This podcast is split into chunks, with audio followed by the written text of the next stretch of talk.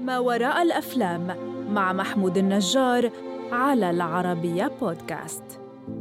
لو كنت عايش سنة 1996 وفتحت التلفزيون يوم 10 مايو هتعرف خبر كارثي وهو موت 8 أشخاص على جبل إيفرست بعد هبوب عاصفة غير متوقعة. في سنة 2015 قدر المخرج بالتسار والكاتب سيمون بيفوري وليام دوبز يظهروا للعالم الحادثة دي بأدق تفاصيلها بعد ما سمعوا من اللي نجوا واللي قدروا يتسلقوا جبل إيفرست بعدها.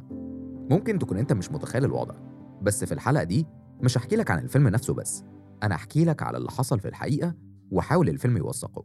هحكي لك عن ما وراء كوارث إيفرست وأنت بتسمع بودكاست ما وراء الأفلام وفيلم إيفرست اللي هنحكي عنه النهارده مأخوذ من أحداث حقيقية. لو مش عارف فاول شخصين قدروا يوصلوا لقمة إيفرست كانوا إدموند هيلاري وتينسينج نورجاي.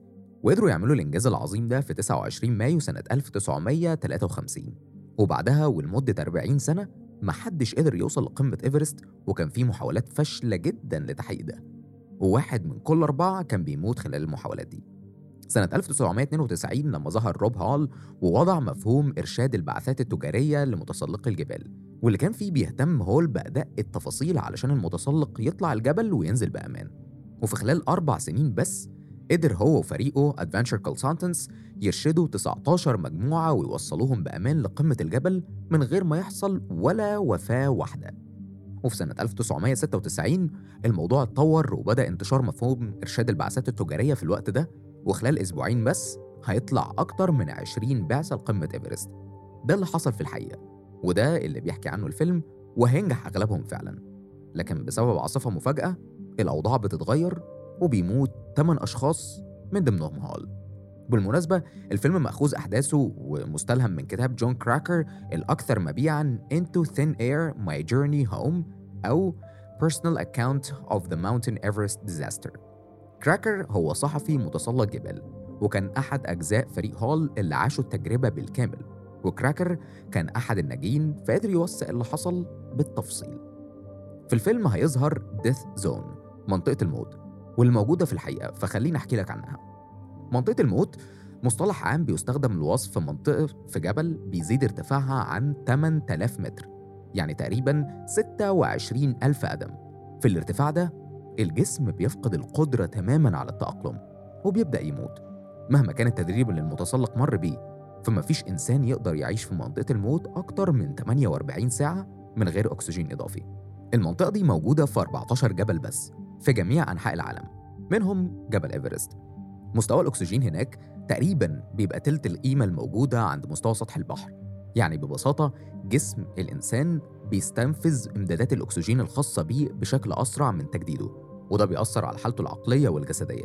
فهتلاقي متسلقين كتير جدا بيصابوا بالهلوسة وفقدان الوعي وتدهور وظائف الجسم والشعور بالخنقة الشديدة وفي النهاية الموت للأسف. وبسبب منطقة الموت وبعد رحلات كتيرة جدا للباحثين وصل لعدد الجثث في منطقة الموت في جبل إيفرست ل 150 جثة موجودة هناك لحد يومنا ده وللأسف ما يقدروش يسترجعوها لأن دي تعتبر مهمة انتحارية.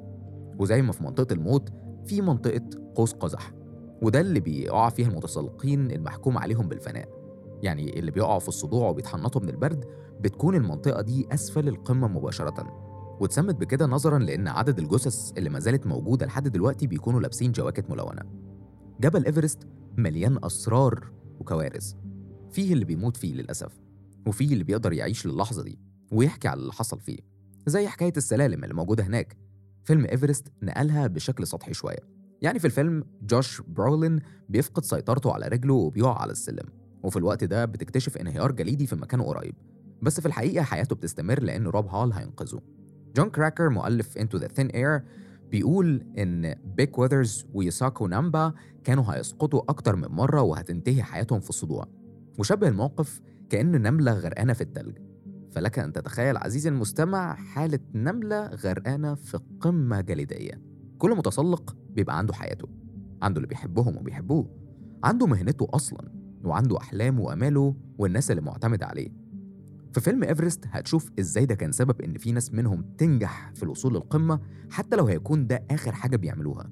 وناس بترجع من الموت بعد ما يتم إعلان وفاتها وده اللي حصل مع بيك ويذرز. ويذرز اتعرض للعمى وهو بيتسلق وده بسبب امتداد الأشعة فوق البنفسجية وهو أصلا كان عامل عملية في القرنية. فبدل ما يطلع قرر في النهاية ينزل لكن العاصفة بتهاجمه وبيفقد وعيه. ولما وصل أناتولي بوكريف للمساعدة كان ويذرز والمتسلقة اليابانية ياسوكو فاقدين الوعي تماما ومش هيتم إنقاذهم في كل الظروف دي فسابهم ومشي. ولما وصل ستيوارت هاتشيسون واتنين من أفراد شعب الشيربا علشان يقيموا حالة ويذرز فقدوا فيه الأمل وقالوا إنه خلاص مات. وبالفعل تم الإعلان عن ده واتذاع خبر وفاته. لكن ده ما كانش حقيقي. ويذرز بيحكي وبيقول صحيت في التلج وفتحت عيني وكانت إيدي اليمين مكشوفة بره التلج وكان واضح إنها ماتت تقريبا. ما كنتش حاسس بأي أنسجة في إيديا وفي مناخيري فاتأكدت إنهم اتدمروا من البرودة. وفي اللحظة دي واللي فكرت فيها إن أستسلم افتكرت عيلتي وضحكة أطفالي وإنهم بينادوا عليا. فضلت أزحف للمعسكر الرابع لحد ما وصلت. عايز أقولك إن ويذرز لما وصل كان أشبه بالميت تقريبا إيديه الاتنين متجمدة ومناخيره صلبة تماما. ولما بلغت زوجته إن هو لسه عايش بس مش هيقدروا ينزلوه رفضت تماما يفضل على الجبل.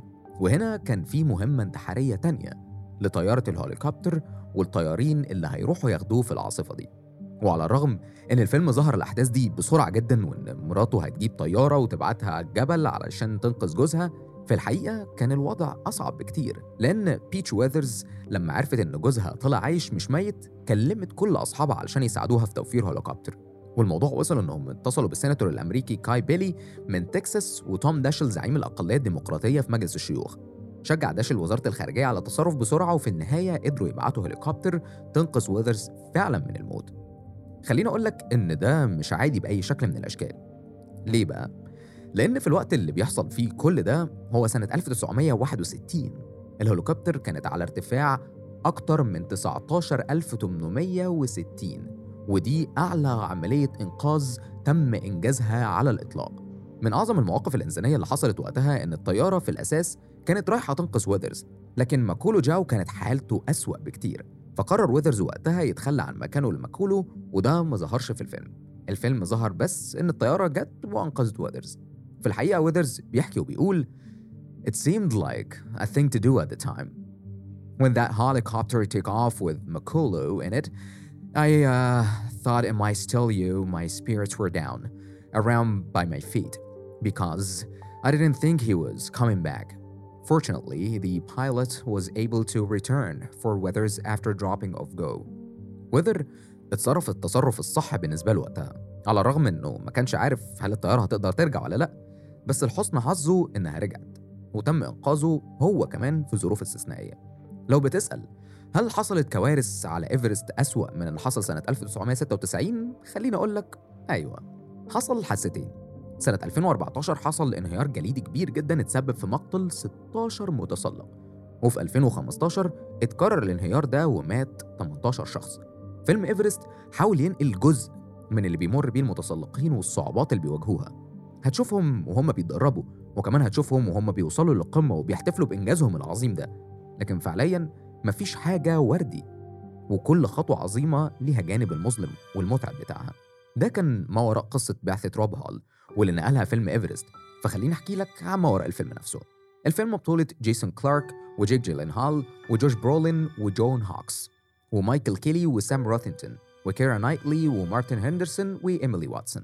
تم عرضه لأول مرة في مهرجان البندقية السينمائي الدولي الثاني والسبعين في 2 سبتمبر سنة 2015 ونزل في 18 سبتمبر سنة 2015 الفيلم حقق نجاح تجاري كبير جدا حقق تقريبا 203 مليون دولار في جميع أنحاء العالم بالنسبة لميزانيته اللي كان قدرها 55 مليون دولار بس وتلقى مراجعات إيجابية جدا من النقاد.